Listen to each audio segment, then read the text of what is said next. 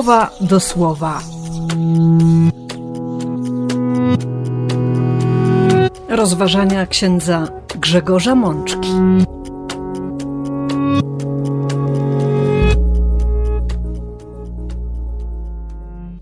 Trzynasta niedziela zwykła, rok A.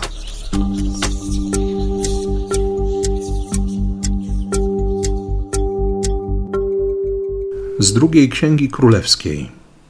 Jestem przekonana, że ten człowiek, który do nas często przychodzi, jest świętym mężem Boga.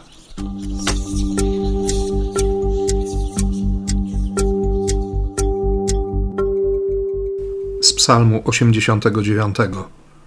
Powiedziałeś bowiem: Miłosierdzie będzie tam mieszkać na wieki, i że Twoja troskliwość w niebie będzie zawsze w gotowości czuwała.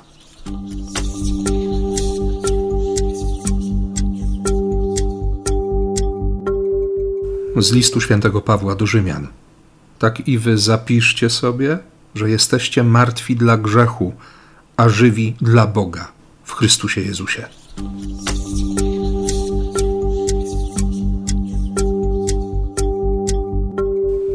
Z Ewangelii według świętego Mateusza. Kto znalazł swoje życie, straci je, a kto stracił swoje życie ze względu na mnie, znajdzie je.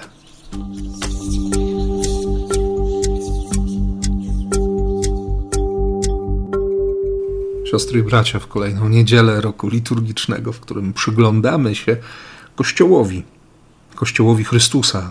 Chcemy wyznawać wiarę w to, że Bóg jest obecny w swoim Kościele, że Bóg prowadzi Kościół, że Bóg każdego z nas wezwał do wiary właśnie po to, byśmy, byśmy trwali w tej wspólnocie, umacniali tę wspólnotę, byśmy odkryli drogę zbawienia i byli dla innych światłem, które pozwoli im odkryć ich osobistą relację z Chrystusem.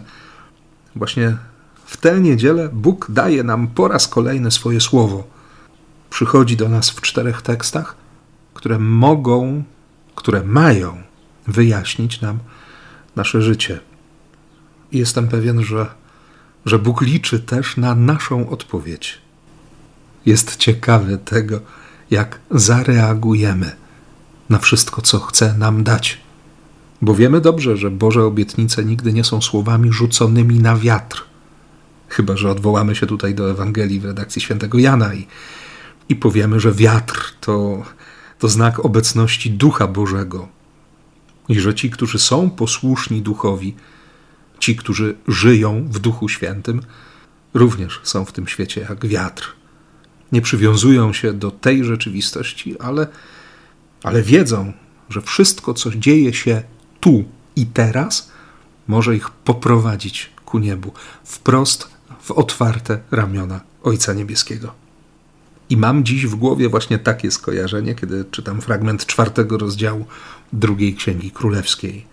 Elizeusz zagląda do Szunem po raz kolejny i zatrzymuje się tam u pewnej kobiety. Biblia powie, że była to zamożna kobieta. Zaprosiła go, jak zawsze, na posiłek. I ponieważ poznała już trochę proroka Elizeusza, choć ten pewnie nie zdradzał jej ani swojej misji, ani nie chwalił się swoją bliskością z Bogiem, odzywa się owa kobieta do swojego męża: Jestem przekonana, że ten człowiek, który do nas często przychodzi, jest świętym mężem Boga. Urządzimy w górnej części domu małe pomieszczenie dla niego Postawmy tam dla niego łóżko, stół, krzesła, lichtarz. Gdy przyjdzie do nas, tam będzie mógł spoczywać. Gościnność.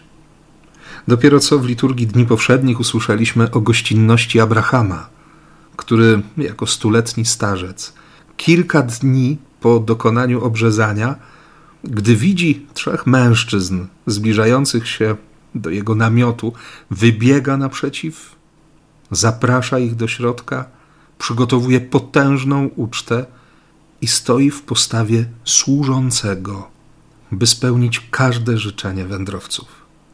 I wiemy dobrze, że ta postawa serca Abrahama chwyciła za serce samego Boga, bo to on przyszedł, by, by zatrzymać się przez chwilę, by porozmawiać ze swoim przyjacielem.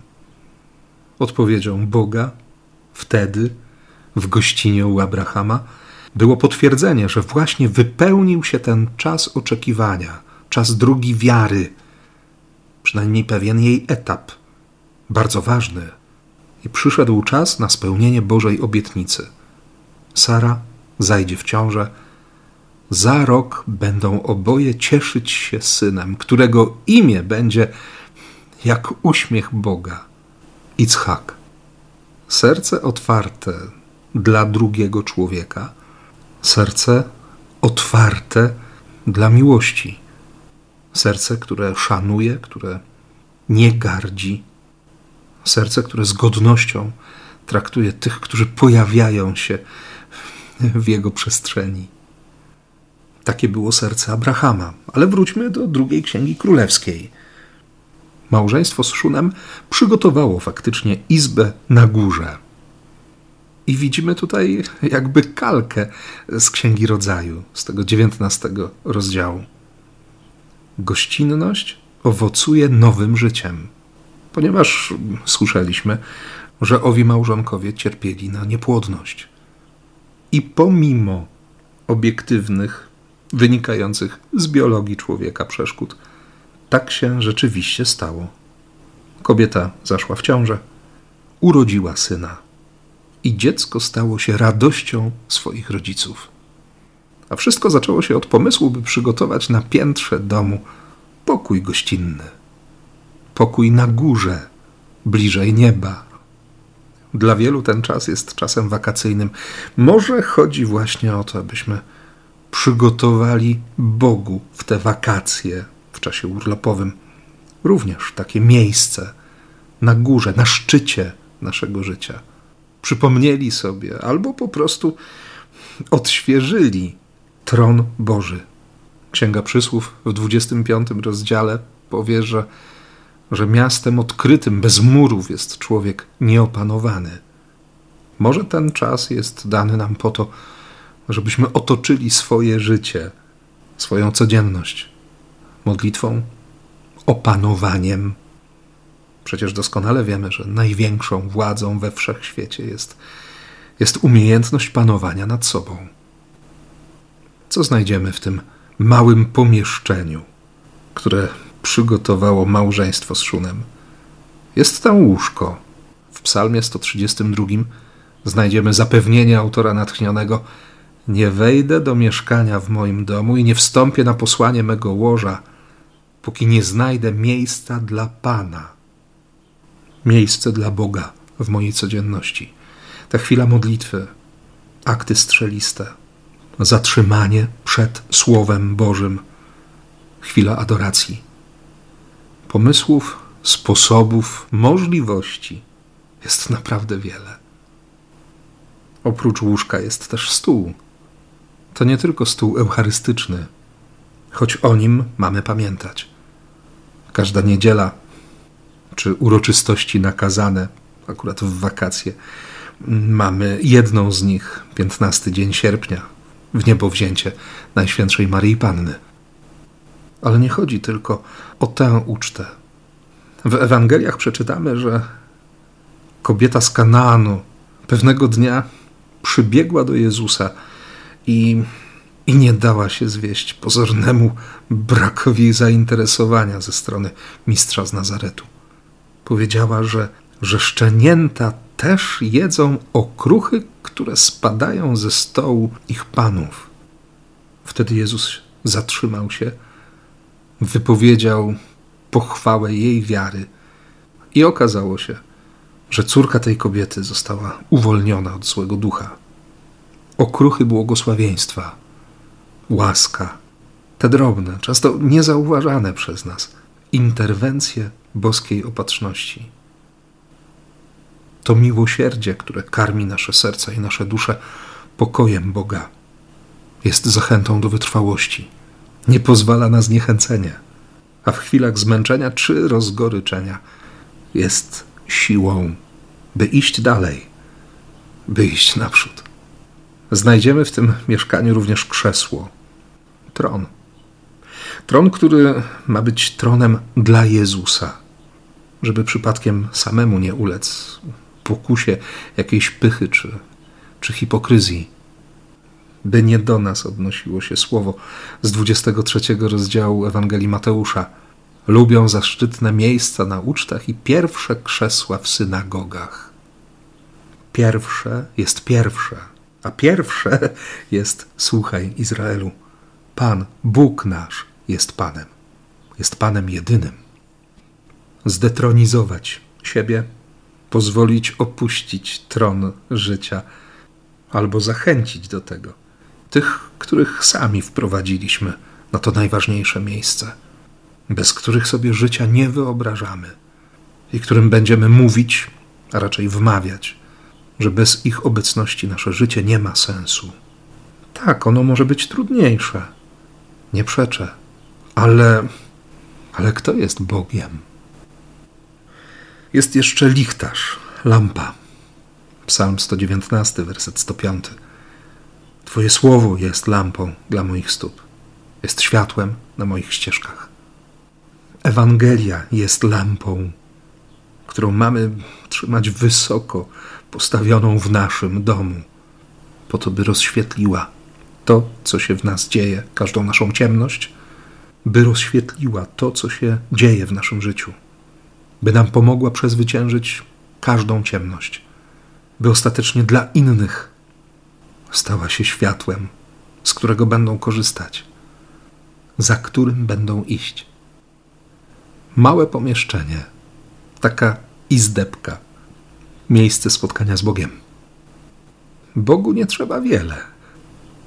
Ty mu wystarczysz, siostro i bracie. Twoje serce, Twoje życie, Twoja miłość, Twoja gościnność, Twoje pragnienie, Twoje tak chcę.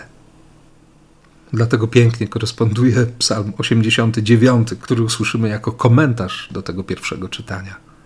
Jakby rozwinięcie Bożych obietnic, Bożej wierności. Miłosierdzie będzie tam mieszkać na wieki. Twoja troskliwość w niebie będzie zawsze w gotowości czuwała. Bo Bóg nie zdrzemnie się, nie zaśnie, nie odwróci od nas swojego oblicza. Nie zapomni, nie zniechęci się nie przekreśli. My o tym wszystkim wiemy i dlatego dziś po raz kolejny razem z autorem tego psalmu możemy wznosić radosne okrzyki. Możemy cieszyć się, chodzić w świetle Jego obecności, doświadczyć życzliwości Boga, przypomnieć sobie po raz kolejny, że pomoc przychodzi od Pana, że ratunek nasz jest w świętym Izraela. Dlatego nie musimy się bać śmierci naszych grzechów. Nie musimy się lękać, że, że zło zostanie pogrzebane, utopione w morzu miłosierdzia Boga. Bo, bo to miłosierdzie jest źródłem naszego życia. Mamy być martwi dla grzechu, a żyjący dla Boga w Chrystusie Jezusie. Jakie to proste a jednocześnie ile wysiłku kosztuje, ile tych wewnętrznych bitew, by nie stracić lub nie zdradzić Boga, by się nie stawać znów niewolnikiem grzechu, by nie przestać wierzyć, by nie uciekać przed mocnym, twardym często słowem Jezusa, ale słowem, które ratuje życie które jest samo w sobie życiodajne.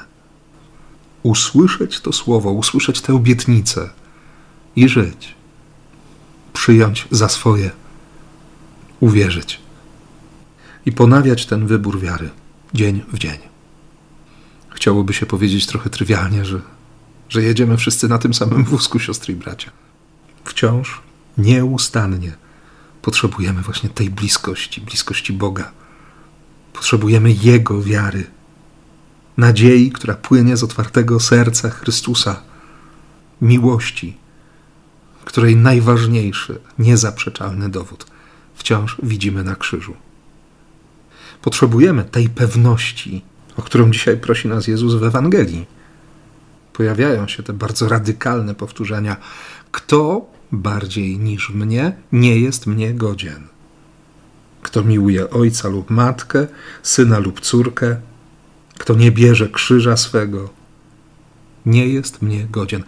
Dlaczego Jezus stawia tę sprawę na ostrzu noża?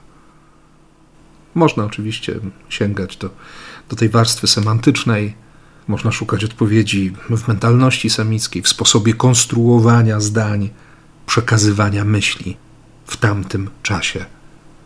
Ale widzimy w tej Ewangelii gdzieś pod spodem, między, między literami, między słowami, to najważniejsze pytanie, z którym Jezus zwrócił się do nas również w uroczystość apostołów Piotra i Pawła. Kim jestem dla Ciebie? Kim jestem dla Ciebie?